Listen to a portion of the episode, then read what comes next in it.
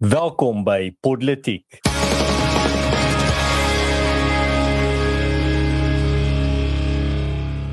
Asai goeiemôre. My naam is Paul Marit. Saam in die ateljee is 'n volle span vandag. Frederik van Dijk, Rainer Dievenage en Erns van Sail in vandag se episode. Haatspraak, uitspraak grof. NVG begin leers afstof en vaarwel Mikhail Gorbachev. Nou ja, ehm um, miskien 'n teleurstellende week in die Suid-Afrikaanse howe as jy hou van vryheid en geregtigheid. Ehm um, maar miskien moet ek dit nie miskien miskien moet ek nie so eensydig oor praat nie. Uh Erns vertel van so 'n bietjie wat het of gebeur hierdie week. Ja, so ek was uh, teenwoordig by 'n groot ehm um, hofuitspraak laas week. En dit was die uh haatspraak saak van Afriforum teen Malema en die EFF, die Kilde Boer saak. Ehm um, is ook een van die ander maniere wat mense dit kan noem. En ons het nou lank gewag vir hierdie uitspraak en dit het ons nou uiteindelik gehoor ehm um, by die eintlik gehoor ons gaan nou laasweek die uitspraak kry en die uitspraak vanaf die gelykheidshof uh was dat die Dreensang Kilde Boer uh nie haatspraak is nie. Ehm um, en natuurlik gaan uh Afriforum nou hierdie ehm um, het die uitspraak appeleer uh, so vinnig as moontlik daai prosesse sal klaar uh, begin. Nou hierdie is nie 'n uh, hofsaak wat nou net nou die dag begin het nie, is nou soos ek sê, is 'n lang proses wat ons nou al mee uh, tot nou toe mee mee sukkel.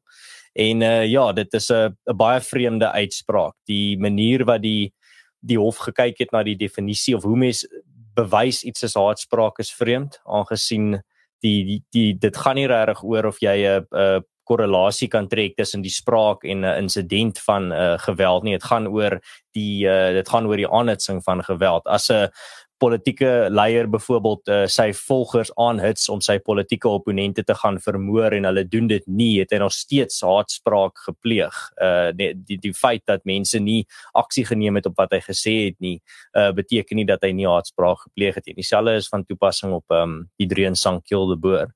Nou dit is 'n teleurstellende um uitspraak, maar natuurlik um voel uh, ons by Afriforum baie sterk en vol selfvertroue oor die uh die kanse van 'n appel. Um aangesien ons dink ons saak is baie sterk en uh die appelhof gaan definitief anders kyk na na sake. Net 'n laaste ding daarso as dit kom by die radikalisering van die politieke orde wat ons rondom ons sien. Dit is ook uh, kommerwekkend, maar terselfdertyd bietjie van 'n 'n wekker om vir ons wakker te maak en laat agterkom maar ons moet ons veiligheid in ons eie hande neem. Dis nou belangrik om deel te raak van 'n veiligheidsnetwerk, van 'n veiligheidsstruktuur. Um en dit is ook een van die maniere wat AfriForum nou gaan reageer op hierdie uitspraak is deur um meer aandag uh, en tyd in ons veiligheidsstrukture in te sit, um beter meer intense opleiding, uh meer buurtwagte te stig, meer plaaswagte te stig, uh seker te maak hulle almal het die gereedskap en die opleiding wat hulle nodig het om hulle gemeenskappe veilig te hou want ons gaan dit self moet doen.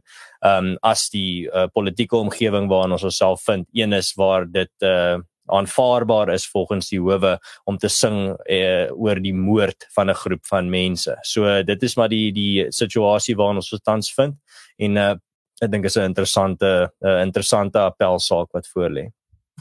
Dankie Erns. Ja, ek ek moet sê dis baie leerstellende kyk op goeters. Um ek is natuurlik pro vryheid van spraak, maar um ek dink 'n mens moet met jouself eerlik wees. Uh jy weet vryheid van spraak word selfs in die mees uh kan ons sê liberaal in die in die tradisionele sin van die woord. Die mees liberale lande soos Amerika en in Engeland word dit nog steeds beperk op jou vryheid om geweld teenoor iemand aan te het. Want dit word in enige klassieke westerse beskouing van die reg beskou as nie meer jou reg nie, maar jy tree nou in op iemand anders se reg. En dis 'n redelike logiese beskouing van goeters. Um jy kort nie ontsettend baie geleerdheid om dit te verstaan. Um wat wat my pla is so wel daar's 'n klomp goed wat my pla ek dink dit is verskriklik en dat dit enigstens tot by die appel of moet gaan jy weet dit dit pla mens ehm um, maar ook wat is die wat wat is 'n strydlied 'n strydlied sing jy oor ek self het swaar gekry ehm um, jy weet of of ek ek sal so sal so ver gaan as om te sê jy is dalk satiries of jy spot 'n klein bietjie ehm um, jy weet jou jou jou opponente in sekere liedjies jy weet en dit dit verstaan ek maar wat hier gebeur is hier word openlik moord uitgeroep en die feit dat die hele wêreld hierdie goed sien en net niks doen nie. Ehm um, jy weet dit is dis my amper in 'n sekere sin verskriklik. Nou is dit so daar is hierdie silwer randjie dat ons vir 'n klomp mense kan sê maar kyk hier ons het vir julle gesê. Jy weet, en daar is dalk 'n klomp mense wat nou skielik gaan aansluit by buurtwagte en aansluit by Afriforum en so aan. En jy weet, in daai sin goed, ek is bly mense skrik wakker, maar dis hartseer dat dat hierdie goed in die eerste plek moes gebeur. Dis hartseer dat ons so hard moet beklei vir normaliteit. Ehm um, jy weet, ek dink Flipbase uh meer as enigiemand, maar 'n klomp ander mense het in die laaste 10 jaar gesê, al wat ons soek is normaliteit. Al wat ons soek is om nie geweld uh teenoor ons bedryf te hê. Hoekom is dit so 'n vreemde ding? Um, jy weet ek is redelik in gereeld in kontak met met hoë politici um, aan aan beide kante van die Atlantiese Oseaan. Daai ouens, jy weet die, die ouens wat hulle is meestal maar in minderhede, maar die versigtige ouens begin besef hier's 'n verskriklike gevaarlike tendens wat op pad is. Suid-Afrika is is histories nog gesien as eintlik deel van die weste. Maar ons beweeg verder en verder af van af met hierdie tipe uitsprake. Um, en verder as dit moet ons nie vergeet nie, ons is in Afrika. Hierdie tipe uitsprake word heel dikwels bitterlik letterlik verstaan. Ek gaan afsluit net deur te sê enigiemand wat die tyd het kan gerus gaan kyk na die EFF se grondwet. Ehm um, hulle sê baie vroeg in hulle grondwet. Ek wil sê die eerste bladsy is die voorblad, die tweede bladsy is die inhoudsopgawe, op die derde bladsy sê hulle al vir jou hulle is van honeste. En ek het al baie oor van hom gepraat, maar dis 'n ou wat baie letterlike beskouing van dekolonialisme het en sê dat die een volk weggejaag en uitgestoot moet word. Dit is die motivering agter hierdie tipe denke. Moenie 'n fout maak. Ehm um, die die gedagte van uh van 'n revolusionêre oorlog en revolusionêre oorlogvoering, dit lê agter hierdie goed, maar jy weet hoogsgeleerde regters weier net om dit in te sien. Nou ja, daar sal ek seker lank kan kerm en klaar, um, maar ek dink is ons ons doel is om net aan te hou om oor die ligte te flikker en te wys hoe gevaarlik dit is. Ja, nee, dit is uiteraard baie ontstellend. Ehm um, ek ek het net eintlik twee vinnige opmerkings en dis nou met regstreekse verwysing na die uitspraak. Ehm um, ek moet mos nou maar die goed ontleed uit hoofde van my beroep uit. Die een paragraaf wat my nogal geplaas is paragraaf 39 ehm um, waar hy waar die regte as dit regstegnies sou verstaan dan sê hy op 'n stadium Ernst Hoods conceded that the killing of farmers does not amount to genocide. So dit daai het vir my dit kan dit kan uiteraard wees dat baie ander ouens dit anders sien, maar dit het vir my al die, die idee gegee dink die regte haatspraak is net ernstig genoeg as dit as dit op volksmoord neergekom het of gaan neerkom noodwendig en hoe maar hoe maak hy daai kausale verband so daar was klaar vir my 'n probleem as mens conceded sou verstaan as conceded soos in die die sin dat jy 'n uh, uh, getuienis teen jou sou toegee. So dit is een punt. Die ander een wat vir my baie ernstige punt is is ehm um, paragraaf 105 van die uitspraak. Ehm um, en in paragraaf 105 word daar gesê dat dat uit nou dat dat professor Gunner wat namens die EFF Malema hulle getuig het um, om swaaf die letterlike verstaan van Kill the Boer um, te probeer ondermyn uh het het het het hy gesê ja jy weet anders as professor Gunner het Ernst Hoods nie A B of C gesê nie. En dit is vir my baie vreemde tipe opmerking van 'n van 'n regter af want 'n regter is nie veronderstel om te sê ek wou dit gehoor het en toe sê jy dit nou nie. Jy weet dit dit dui vir my 'n bevooroordeeldheid ehm um, in die uitspraak. So daar's klaar twee goed wat ek gesê het. Eers hierdie ou hy buig so half agteroor om seker te maak dat dit wat hy klaar heel waarskynlik vooraf besluit het ehm um, en skepties oor was van die begin af sonder om van die getuienis te kyk, gaan hy nou jy weet voor agteroor buig. So dit is vir my snaaks hoe die goed werk en ek het byvoorbeeld ek ek weet nie eers jy sal dalk of eintlik nie jy jy het 'n volgende woord maar ek het vanoggend ehm um, uh, Pierre de Vos se se tyd op dinge geneem. Ek het hom nou wel prediktabele Pierre genoem. Ehm um, want selfs hy moes op 'n paar punte toegee maar daar dit is moontlik om Kiel de Boer as aardspraak te verstaan. en maar dis ook vir my vreemd toe hy sê die lirieke moes nie aangevat gewees het nie maar die insidente maar toe vat af en voor spesifiek die insidente aan. Ek meen dit is die Brendan Horner geval en dit wat by die hof gebeur het is twee voorbeelde van wat in die saak moes figureer. So ja, ek ek sien nie hoe op aarde hierdie ding op appel kan staan nie. Ek hoop daar's 'n regter met sens op die appelbanke. Ja, Frederik, ehm um, ek dink jy het alles gesê wat moontlik gesê kan word oor die saak. Ehm um, dis tragies. Dit dit wys my 'n bietjie op ehm um, ja, dit is 'n hartseer plek vir ons regstelsel is dat waar jy as, as jy die woord boer in kill the boer met enige ander identiteitsgroep vervang, dan is ek uh, seker en dis dit sou ook reg wees en geregtig wees dat uh, dit as haatspraak bestempel sou word. Daar hoef ook nie 'n kausale verband te wees nie. Dit dit dit bloot die aanhitsing van geweld is reeds genoeg. Dit is die toets vir haatspraak en uh, dit is 'n baie tragiese tragiese uitspraak, maar uh, ons is optimisties dat ons hom gaan wen op appel. So kom ons sluit maar net op 'n positiewe noot af.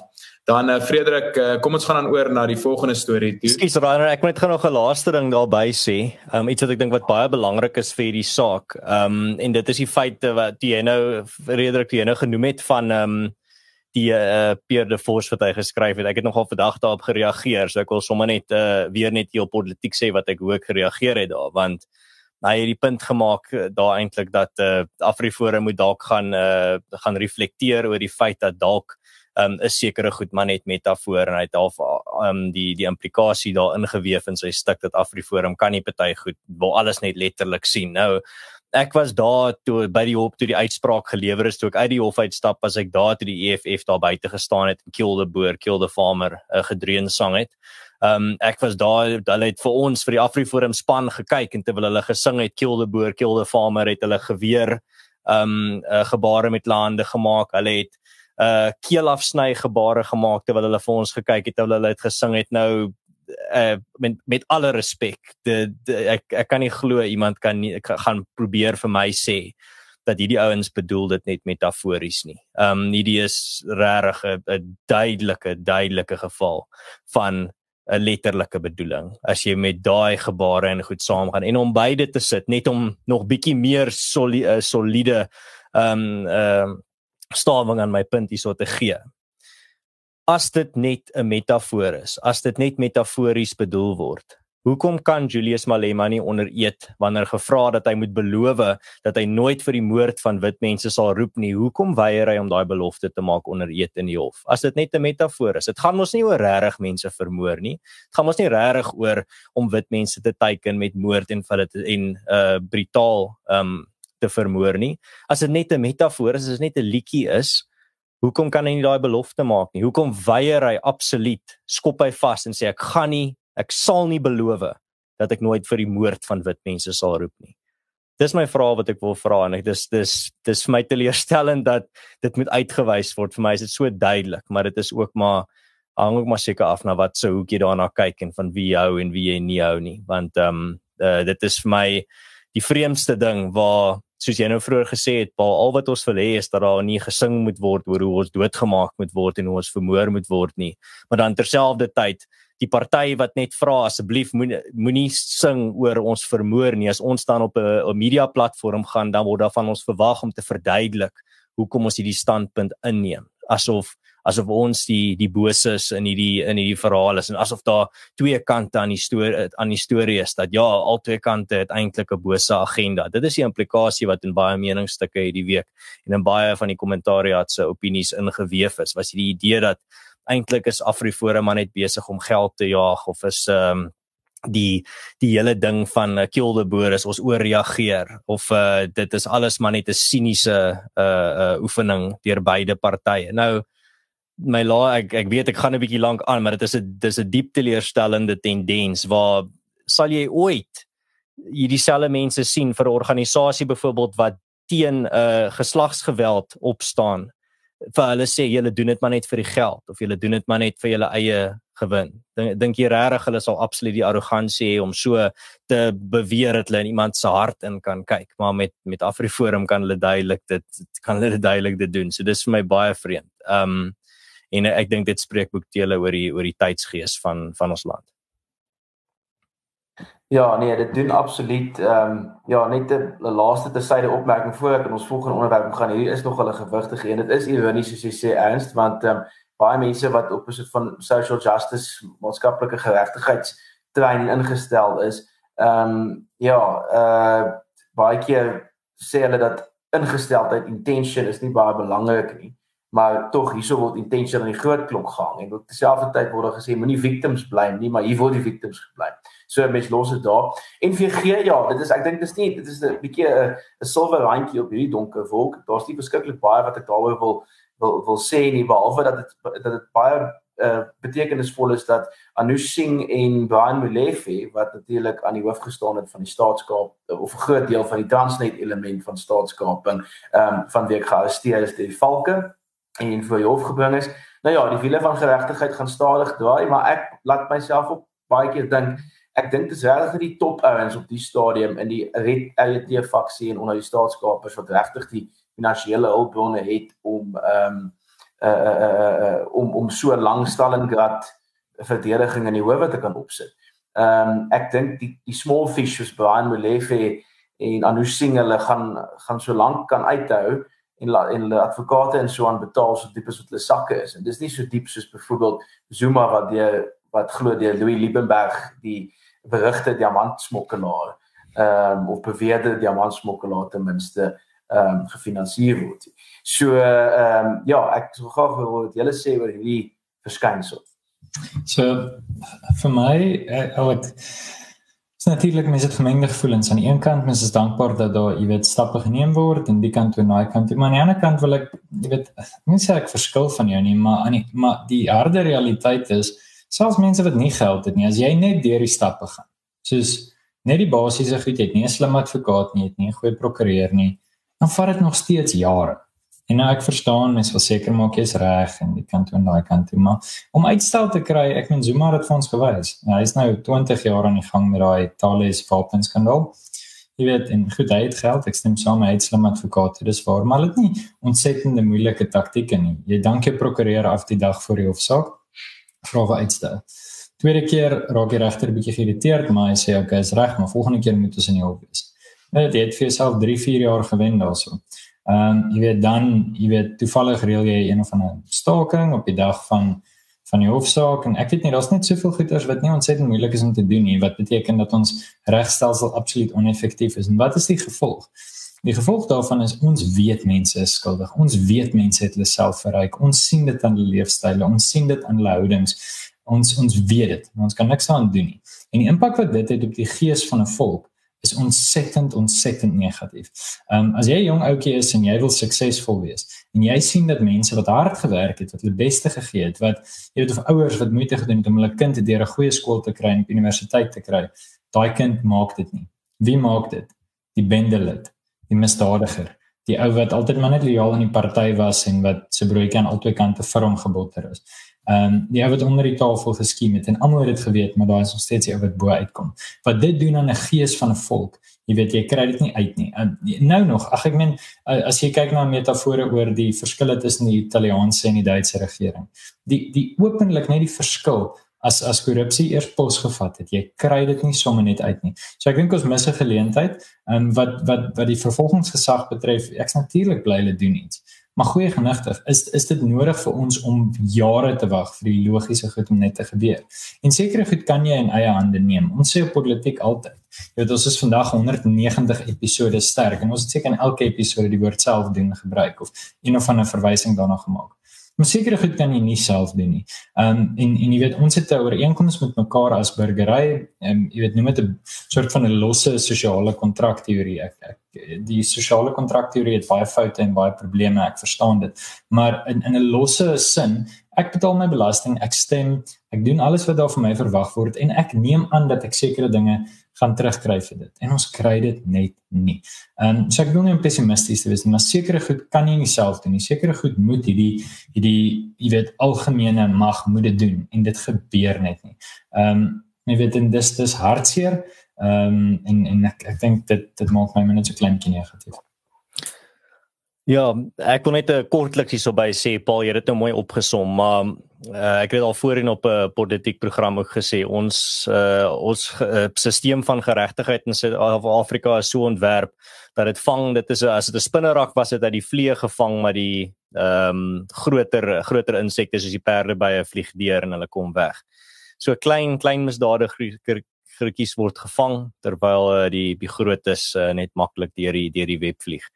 En ja, die die impak wat dit het, het uh op 'n land is dat ehm um, wel eerstens is daar die vervreemding tussen die diegene wat veronderstel is om uh, leierskap en leiding te neem. Ehm um, en diegene vir wie hulle wie vir hulle gestem het of diegene wat hulle wette moet gehoorsaam wat hulle in plek sit. En daai diep vervreemding is ook nie iets wat jy dit dit gebeur baie vinnig, maar dis nie iets wat jy weer vinnig kan omdraai nie. Dit's iets wat amper gaan permanent gaan sit in 'n in 'n bevolkingsliggaam. En die groot probleem daarvan is in die langtermyn dat ehm um, as dit dit lei tot by 'n punt waar die donker kant van self doen uh na vore kom. Nou daar's die goeie ligkant van self doen wat ons in die solidariteit beweging bevorder. Um bou jou eie instellings, uh, neem jou veiligheid in jou eie hande in deur um buurtwagte en plaaswagte, um plant jou eie kos, hou jou eie strate skoon. Dis die goeie kant van self doen, maar self doen net soos enigiets het 'n donker kant, 'n skade weer ook. Die self doen van reg in jou eie hande inneem ehm um, die die donker kant van geweld in jou eie hande neem. En dit is dit is ongelukkig die wat onder die onder die oppervlak van ons samelewing vandag brou is uh, al hoe meer mense wat begin so vervreem word dat hulle bereid is om die donker kant van self doen in hulle eie hande in te neem en dit is besig om 'n 'n baie lelike scenario op te bou vir die toekoms. Asai, nou ehm um, miskien moet ons sommer dadelik oorspring na ons volgende storie toe. Uh en dit is ek wil nie sê hulde blyk nie want ek ek dink nie dis noodwendig wat ons doen op politiek nie, maar so baie historiese moment wat ons hierdie week herdenk of ten minste wat wat op ons radars verskyn het. Mikhail Gorbachev, uh ons elke taal spel dit verskillend omdat die oorspronklike natuurlik in Cyrillic is. Uh die Engelse spel dit Gorbachev, maar goed in Afrikaans is Gorbachev. Hy was die laaste leier van die Sowjetunie en hy word amptelik daarmee gekrediteer dat hy die koue oorlog beëindig het. Ek het ons ander mense wat sê dit was Thatcher, Reagan en die Post, maar goed van die Sowjetunie se kant af was hy die laaste leier en hy het regtig inskikkelik opgetree en so. Hy's gister op die ouderdom van 91 oorlede na 'n lang siekbed in die hospitaal in hospitaal in Moskou. Hy het 1985 mag van die Sowjetunie verkry en hy het omtrent dadelik gesprekke met uh, met veral Reagan oopgemaak. 1990 het hy 'n Nobelprys vir vrede ontvang. Um, maar baie mense in Rusland is vandag nog eintlik nie so gelukkig met hom nie. Hulle blameer hom vir die wyse waarop die Sowjetunie geval het en ons natuurlik baie mense oorlede in daai proses, baie onrustigheid, onstuimigheid en armoede.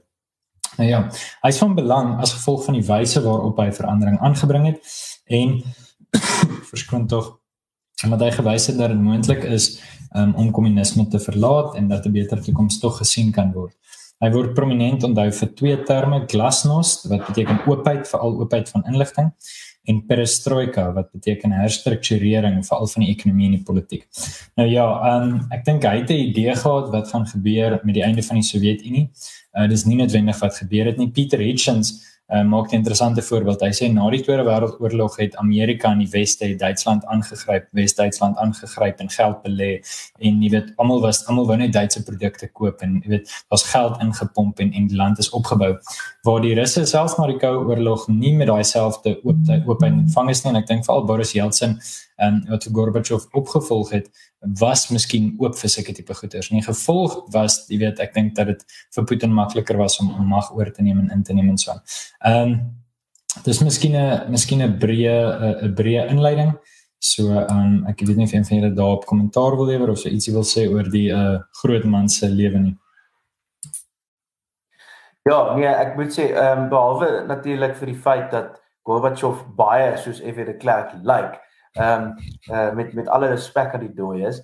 Uh is hy ook omtrent in dieselfde tydperk het hy opgang gemaak en Leopold Skols het vandag nog 'n baie mooi vergelykende rubriek geskryf op netwerk 24 ehm um, wat hy spesifiek kyk na die twee groot manne wat om en by in dieselfde tydsvak in die geskiedenis ehm um, groot verandering teweeggebring het. Maar ook hy noem hulle albei ook tragiese figure want ehm um, hierdie ouens het die moed van oortuiging gehad om verandering te initieer selfs al was hulle nie al, al was hulle deel van die die vorige bedeling wat nou op die einde sou dan nou oor, oor tyd uit die weg geruim word. Ehm um, en en en baie jy weet dit dit sit hulle in 'n aardige posisie waar mense aan hulle eie kant en aan die ander kant ehm um, hulle nog steeds weet uh, uh, uh, geweldig verkwalik en hulle amper in hierdie onmoontlike nalatenskap weet uh toedig wat weet hulle nie eintlik dat mense nooit kan saamstem oor wat was hulle nalatenskap eintlik maar dit is waarskynlik presies wat hulle nalatenskap is. Dat ongelukkig is daar daai ouens wat amper op die swaard moet val ter wille van verandering al beteken dit hulle nooit met dieselfde um uh respek of selfs uh jy weet uh agting deur almal beskou sal word nie. So wonderlike moedige figure met met uit uit beginsel en Eh, opgetree het en ek dink uh, ja ons het twee van hulle in 'n kwessie van 2 jaar verloor en dit is dit is ehm um, ja dit is mense by wie ons kan leer.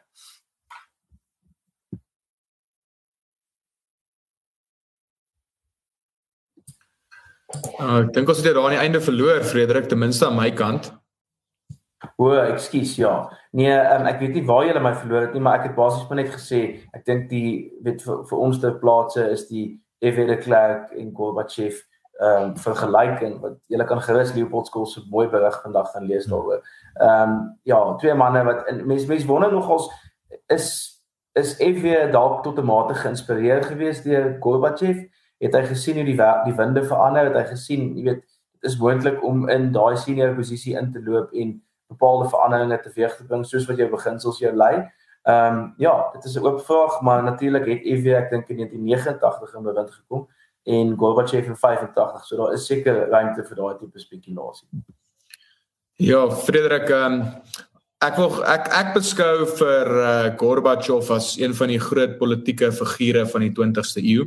Jy moet in ag neem die situasie en die historiese konteks waar hy aan bewind gekom het. Dit was nou 18 jaar wat uh, Brezhnev regeer het. Brezhnev het al in 75 'n beroerte gehad en hy was basies op 'n uh, uh, uh, genade geleef het oor die ander die laaste 7 jaar wat hy ook nog alkoholist was en verslaaf was aan pille en toe is uh, Chernenko en Andropov dood in die in die amp en uh, hy het toe daai uh, ruimte van absolute stagnasie oorgeneem. Verandering was nie net uh, sy idee nie, dit was uh, noodsaaklik. Die Sowjetunie kon nie meer aangaan soos wat hulle wou nie. Uh ek dink hy het uh homself baie goed gekwyt van sy taak in die in die eerste jare daarvan baie suksesvol gewees. Natuurlik ook die weste kon uh, meer ondersteunend gewees het. Hy het daai coup d'etat oorleef um uh, poging in 1990 en uh maar toe is hy eintlik half uh, in die rug gesteek deur Brezhnev. Uh, jammer deur um deur uh, Yeltsin, jammer ek weet uh, hy is deur Yeltsin in die rug gesteek in in 91 toe Yeltsin die uh die gemeenebes van onafhanklike state toe gestig het agter sy rug basies en hy is toe uitgewerk uit die politiek uit. Maar uh, ek moet sê dat dit is um is maar Boris Yeltsin wat uh die die korrupsie wat wat in Rusland um in laaste dekades um um gemanifesteer het aan die gang gesit het en hy was ook toevallig 'n alkoholist net om aan te sluit by die alkoholist leiers van van die Sowjet uh, waar die post-Sowjetunie en die en die Sowjetunie en uh Ja, ek ek blameer vir Yeltsin vir vir foute wat daar in Rusland is uh en ek dink Gorbachev se intensies was was goed. Reg, soos die uitdrukking die laaste lewende uh president van die vorige president van die Sowjetunie is die episode vir ook eers verby. Ons neem julle ons uh, nooi julle uit om in die kommentaar afdeling verder die gesprek voort te sit en dan ook natuurlik um om 'n like te los. Dit uh, help die program hierso op op YouTube en as jy op enige ander uh, platform luister kan jy vir ons 'n resensie los. Jy kan ook as jy opgedateer wil word wanneer ons regstreeks raak kan jy ons volg op Twitter. Jy kan vir ons op uh, Telegram volg. Daar's skakels na alles daai in die beskrywing. Um en dan kan jy ook vir ons ondersteun deur deur buy me a coffee. Daar's 'n 'n skakel na dit toe ook uh, in die beskrywing van die episode. Hoop julle het vandag se episode geniet en dan gesels ons weer volgende week. Totsiens.